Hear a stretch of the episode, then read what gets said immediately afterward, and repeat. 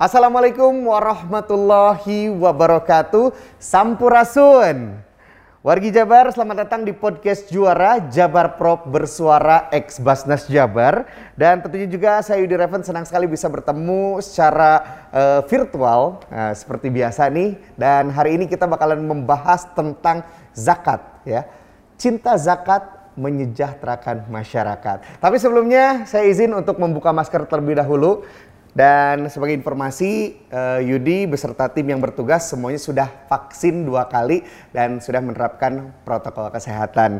Dan untuk narasumber kita di kesempatan ini telah hadir yaitu Bapak Ustadz Ahmad Faisal, Wakil Ketua 4 Bidang SDM Administrasi Umum dan Humas Basnas Jabar. Assalamualaikum Tad. Kita ketemu lagi. Ini kita ketemunya setahun sekali ya. Setahun sekali. Ada momen-momen tertentu. Oke, okay. dan tentunya juga ini yang Yudi mau tanyakan tentang zakat. Sesuai dengan tema kita yaitu cinta zakat menyejahterakan masyarakat. Oh, mantap banget nih. Nah, yang pertama adalah e, pertanyaannya zakat apa saja yang dikelola oleh Basnas Jabar? Oke, ya terima kasih Kang Yudi ya. Ya zakat yang dikelola oleh Tentu semua jenis zakat. Ya. Secara garis besar zakat itu ada dua, ada mm -hmm. zakat fitrah, yang kedua adalah zakat mal. Mm -hmm. ya.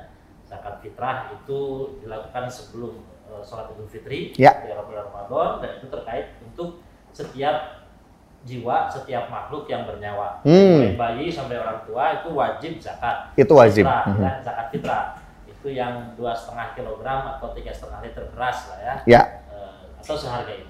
Hmm. Yang berikutnya zakat mal, yang kedua zakat mal. Zakat mal ini macam-macam. Ada zakat e, perdagangan, zakat emas dan perak, zakat uang simpanan, hmm. zakat pertanian, zakat pertambangan, semua jenis zakat termasuk zakat e, penghasilan atau profesi ya. Zakat investasi, semua jenis zakat bisa dikelola oleh Basnas Zakat. Ya. Selain zakat juga ternyata kan jadi ada infak dan sodako Ah, oke. Okay. Kalau zakat itu sifatnya memang ketentuan yang sudah pasti, mm -hmm. aturan-aturannya yeah. ikat kepada harta-harta tertentu. Yep. Tapi kalau infak sodako itu bebas. Pokoknya mah mau infak nggak usah hitung-hitungan, mau berapa persen, kan mau berapa ada di kantong itu infak sedekah itu mangga silakan. Bisa kapan pun berapapun. Kapan pun berapapun di mana pun itu silakan. Ah oke okay, oke. Okay. Nah kenapa sih orang-orang harus membayar zakat nih? Dilihat dari mungkin uh, perspektif agama dan sosial nih Tan. Okay secara agama tentu saja karena zakat itu rukun Islam. Mm -hmm. ya, rukun Islam kan syahadat, sholat, zakat, puasa, naik haji. Yeah. Ya. Nah, kalau yang namanya rukun kalau tidak dilaksanakan berarti tidak sempurna Islam kita. Mm. Ya, jadi orang Islam tapi nggak sholat ya nggak termasuk Islam, nggak nggak sempurna Islamnya. Nggak yeah. zakat juga sama. Jadi mm. posisi zakat dengan sholat itu sama. Makanya dalam Al-Quran sering disebutkan wa aqimus sholah wa atuz zakah. Ya. Mm -hmm dirikanlah sholat, tunaikanlah zakat. Jadi posisi zakat itu sejajar dengan sholat. Seringkali orang merasa berdosa kalau meninggalkan sholat. Ya. Tapi kalau tidak berzakat, biasa-biasa. Ah. Padahal sesungguhnya zakat dengan sholat itu sejajar. Hmm. Jadi kalau dia nggak zakat, itu dosanya itu sama dengan dia nggak sholat. Tuh. Bahkan Khalifah Abu Bakar sampai mau memerangi orang-orang Muslim, sahabat-sahabat Muslim saat itu, ketika hmm. Nabi Muhammad sudah meninggal, ada beberapa kaum muslimin yang menolak membayar zakat. Kenapa? Kan Rasulullahnya sudah meninggal. Ah. Nggak ada kewajiban dong bayar zakat. Mm -hmm. Abu Bakar marah sampai mau memerangi. Berarti kan saking pentingnya zakat itu secara hukum agama Islam. Yeah. Kalau tidak berzakat sampai mau diperangi, gitu kan gitu. Nah itu sangat terut eh, jadi karena itu rukun Islam maka yeah. mau tidak mau hukumnya wajib dan tidak boleh tidak. Ya gitu itu itu eh, kenapa harus membayar zakat secara agama? Ya secara sosial Ya karena di kita banyak banyak yang membutuhkan. Mm -hmm. Memang zakat tidak terkait dengan kedermawanan. Dermawan atau tidak dermawan, seorang yang terkena kewajiban zakat tetap wajib. Nah kedermawanan itu ada di infak dan sodako.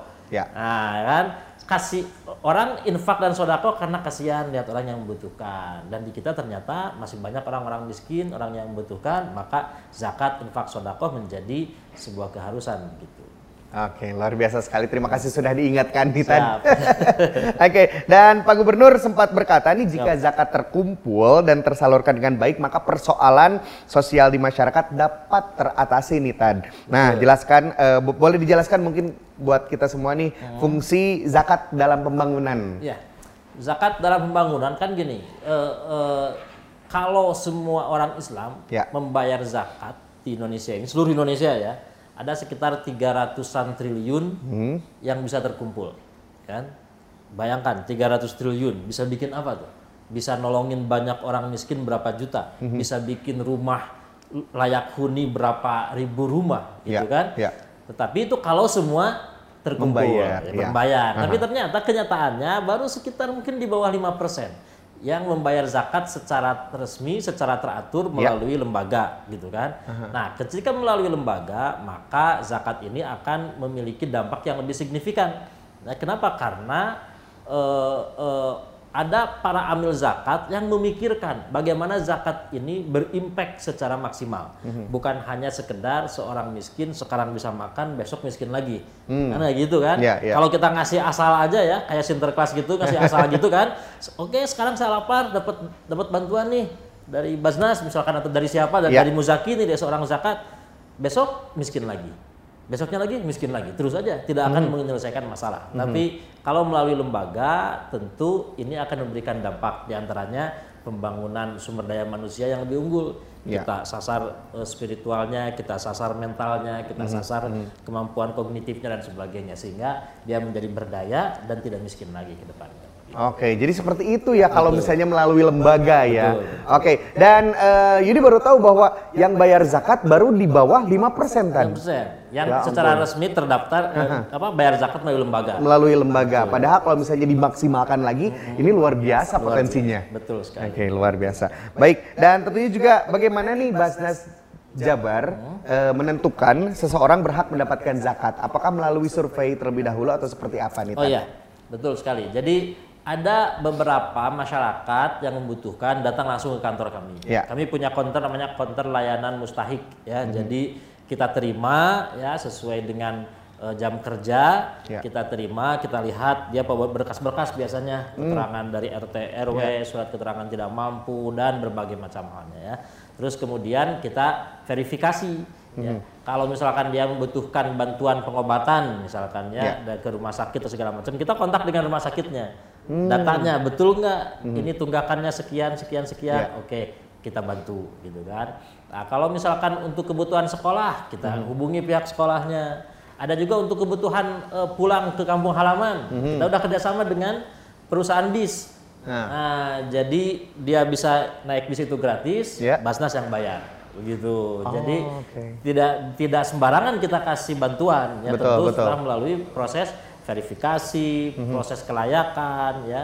Ya, kita berhusnudon Ya. tapi kemudian e, bisa jadi ada e, orang-orang yang tidak bertanggung jawab Iya, memanfaatkan ini ya. Mhm. Makanya proses verifikasi itu pasti kita lakukan. Yang sudah betul-betul jelas-jelas dia memenuhi asnaf fakir miskin terutama Mhm. ya dan juga asnaf yang lainnya itu baru bisa kita bantu. gitu. Oke, apa saja yang termasuk ke asnaf fakir miskin ini? Fakir miskin. Jadi kalau eh, di eh, apa zakat itu kan mustahik zakat itu ada delapan asnaf ya. Ya. Eh, di antaranya yang terkenal yang paling banyak di kita fakir dan miskin. Mhm. Kalau fakir itu orang yang sudah tidak punya kemampuan berusaha ya. Mhm. kayak jompo kayak gitu ya, itu sudah masuk kategori itu.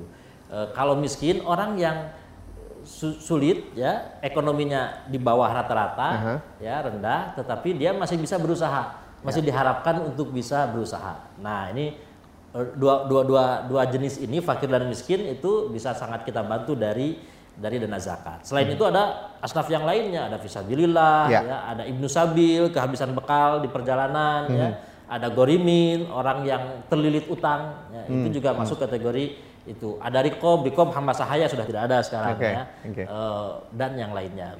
Oke, ini menarik. Kalau misalnya hut- tadi Gorimin salah satunya nih. Tad, ada nggak sih kasus misalnya eh, yang terlilit pinjol nih, Tad datang ke Basnas Oke. untuk dibantu. Betul banget ya. Ada datang, Kang saya berhak dong dapat eh, dana zakat, saya kan gorimin. Oh betul punya utang, ya punya utang, utang apa? Cicilan mobil. yang enggak dong ya gitu ya. Jadi yang disebut gorimin itu orang yang terlilit utang, Ya. bukan utangnya itu bukan karena kebodohan ya atau karena ke konsumtif sesuatu yang konsumtif tapi misalkan dia berusaha pinjam modal lalu kemudian usahanya gagal bangkrut terus kemudian dia terlilit utang Nah, Oke. hal seperti itu ya, Aha. bukan karena hal-hal yang sifatnya konsumtif. Oke. Ya, saya Kalau tahu. yang berfoya-foya itu nggak termasuk. Beli mobil, Iya. motor, apalagi yang gaya-gaya gitu ya, itu tidak tidak termasuk kategori gerimin. Oke. Gitu.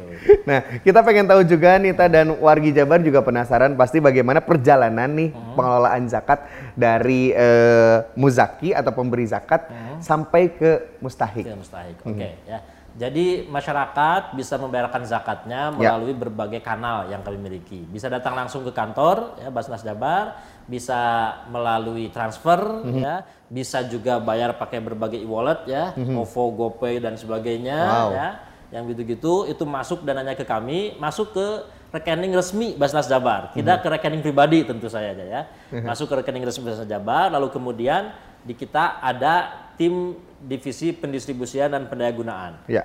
Ini yang kemudian merancang program bagaimana dana zakat ini disalurkan.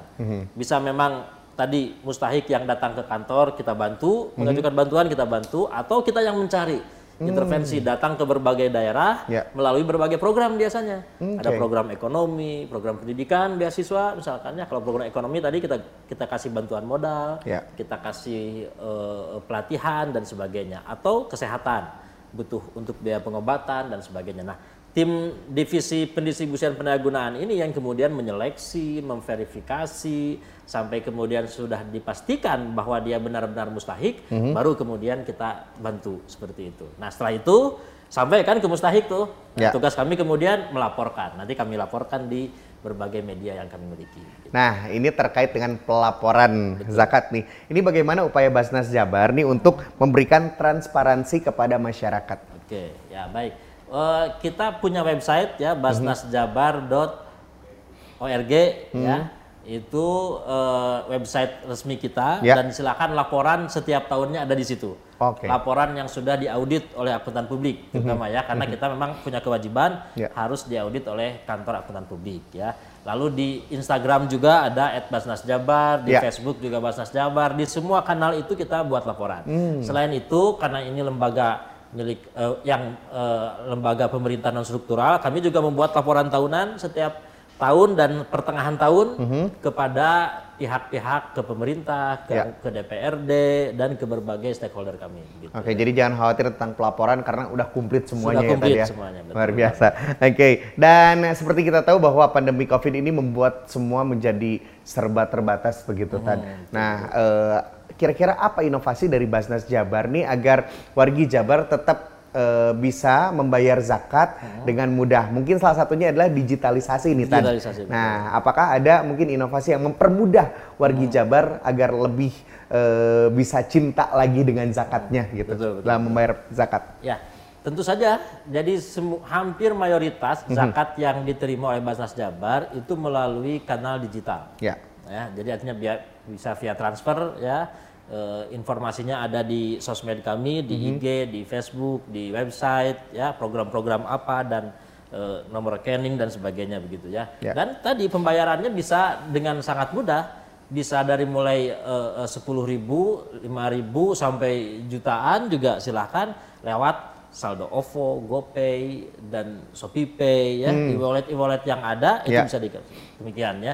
Dan juga di beberapa kanal di di marketplace marketplace juga ada di situ Basnas Jabar itu Ya. bisa bisa melalui situ ya atau di QRIS yang tersedia di banner-banner yang kami simpan di berbagai tempat Nah, banyak sekali ya gitu oke, oke. termasuk ini Kang Yudi ada yang baru kita punya yang namanya aplikasi super apps ya Aha. namanya ZX ZX. ZX Ya, itu oke. awalnya dari Zakat Express. Oh, Nah, oke. Mhm. ya, ZX itu ini aplikasi yang memadukan semua hal dari mulai orang mau bayar zakat, oke. Ya. Butuh ambulan, kayak kita butuh Gojek, Ya. ya, butuh apa namanya ya driver ya untuk Ya. Nganterin kita, Gojek, Grab dan sebagainya. Butuh ambulan di situ ada. Oh, ada juga di situ. Ada di situ. Jadi, ah, saya butuh ambulan, tik, Ya. oh, sini. Oh, Kota Bandung, tinggal cari yang Kota Bandung. Oh, Garut, cari ambulan yang Garut. Di situ ada. Oke. Jadi untuk seluruh Jawa Barat, ya kita aplikasi ZX ini bahkan seluruh Indonesia. Ya. Jadi memesan ambulan itu lebih cepat. Termasuk mengajukan bantuan mustahik juga bisa dari situ. Oh, Ya. oke. Termasuk untuk berzakat mah udah jelas ya. Di situ ada, ada berbagai kanal. Ya. Basnas Jawa Barat, Basnas Kota Bandung, Garut, Tasik, semuanya bisa lewat situ ya. Uh, tadi ambulan, terus dan juga Ambulannya tapi gratis. gratis lah. Gratis, wah. Gratis kan ambulan kita dibiayai dari dana zakat, infak dan sodako, Ya. dan itu operasionalnya semuanya gratis. Bapak Ibu yang butuhkan ambulan sudah tidak perlu mikirkan biaya apa-apa lagi. Ya. Udah tinggal kontak, kalau kebetulan lagi kosong tidak sedang mengantarkan pasien, langsung datang, anterin sesuai kebutuhan. Oke. setelah itu selesai. Asal jangan minta minyak goreng mungkin ya Pak ya? Nah itu dia, agak susah. Oke, oke itu semuanya ada di uh, aplikasi ZX. ZX, itu. ya, yang terbaru. Oke, nah berbicara tentang program-program tadi eh, Pak Ustadz sudah bilang ada beberapa program dari Basnas Jabar yang mungkin sudah running atau mau di eh, apa ya direncanakan ke depannya di tahun ini. Kira-kira apa saja program-program unggulan dari Basnas Jabar ini? Kalau untuk di bulan Ramadan Ya. kita memang kebanyakan programnya untuk kebutuhan konsumtif ya. Mhm. Eh, untuk misalkan kita punya program paket tajil, paket iftar ya, untuk eh, para musafir atau para pekerja pekerja keras, pekerja kasar yang pada saat adzan maghrib pun mereka masih bekerja. Misalkan Oh, oke. teman-teman kita yang di tempat pembuangan sampah, ya, tukang parkir, penyapu jalan, Ya. itu kan nggak lihat waktu maghrib atau apa pun mereka bekerja begitu Ya. ya. Bahkan malam takbiran pun, lebaran pun mereka bekerja kan. Ah, nah iya, iya. kita kasih itu bingkisan-bingkisan itu ya. Terus kemudian paket berkah Ramadan, Ya. paket sembako untuk kaum duafa di Jawa Barat ya. Begitu. Paket sebar Al-Qur'an juga karena banyak masjid Oh, ada masjid juga. ada. Hmm. Banyak masjid-masjid yang eh, di pelosok yang Al-Qur'annya sudah lusuh, sudah hampir sobek, itu kita pakai sebar Al-Qur'an. Nah, itu yang konsumtifnya. Hmm. Yang produktifnya kita punya program-program kayak M2M, Apa tuh? mustahik tu muzaki. Ah, Mustahik tuh muzaki. Mustahik menjadi muzaki. Jadi Ah. awalnya dia mustahik sebagai Ya. penerima zakat, Aha. kita kasih eh, bantuan, kita Mhm. kasih pembinaan, pelatihan dengan harapan setelah beberapa bulan setelah dia berusaha, dia bisa menjadi muzaki. Bayar Alhamdulillah. zakat ke Basnas Jabar. Nah, Luar begitu. biasa. Mhm. Jadi bisa seperti itu. Itu program-programnya. Oke, baik Tad, terima kasih ini insight-nya begitu luar biasa hari ini mengenai cinta zakat menyejahterakan masyarakat. Ini memang luar biasa sekali tentunya dan eh, apa daya durasi harus memisahkan Oh, iya, kita. Siap. Oke, tapi mungkin boleh eh, Ustadz berpesan kepada wargi Jabar di mana pun berada mengenai zakat ini silakan Tad. Ya, jadi wargi Jabar semuanya tadi kewajiban zakat bukan instruksinya dari gubernur, bukan dari presiden, bukan dari saya sebagai pimpinan pengelola zakat ya. Instruksinya itu dari Allah langsung ya. Aqimus shalah wa atuz zakah. Dirikan sholat, tunaikanlah zakat. Wajib hukumnya bagi setiap orang yang sudah terkena kewajiban zakat ya. Dan sekarang tidak ada alasan lagi. Kenapa? Karena zakat bisa dilakukan secara lebih mudah ya. Tidak mau keluar rumah tinggal pencet-pencet tombol HP, lalu kemudian zakat Anda sudah tersalurkan dan laporannya pun bisa dinikmati secara lebih mudah di sosial media dan kanal-kanal yang tersedia. Maka selalu eh, tingkatkan kepedulian sosial kita dengan membayar zakat, infak, dan sodako. Demi cinta zakat, insya Allah akan menyejahterakan umat atau masyarakat. Baik, terima kasih Ustadz. Luar biasa sekali dan wargi Jabar itu dia bincang-bincang kita bersama dengan Pak Ustadz Ahmad dan luar biasa sekali nih untuk wargi Jabar yang apa ya eh, yang belum membayar zakat diingatkan kembali dan semoga obrolan kita ini memotivasi untuk wargi Jabar untuk cinta dengan zakat. Yudi Reven pamit, terima kasih. Sampai jumpa di podcast Juara episode mendatang. Wassalamualaikum warahmatullahi wabarakatuh.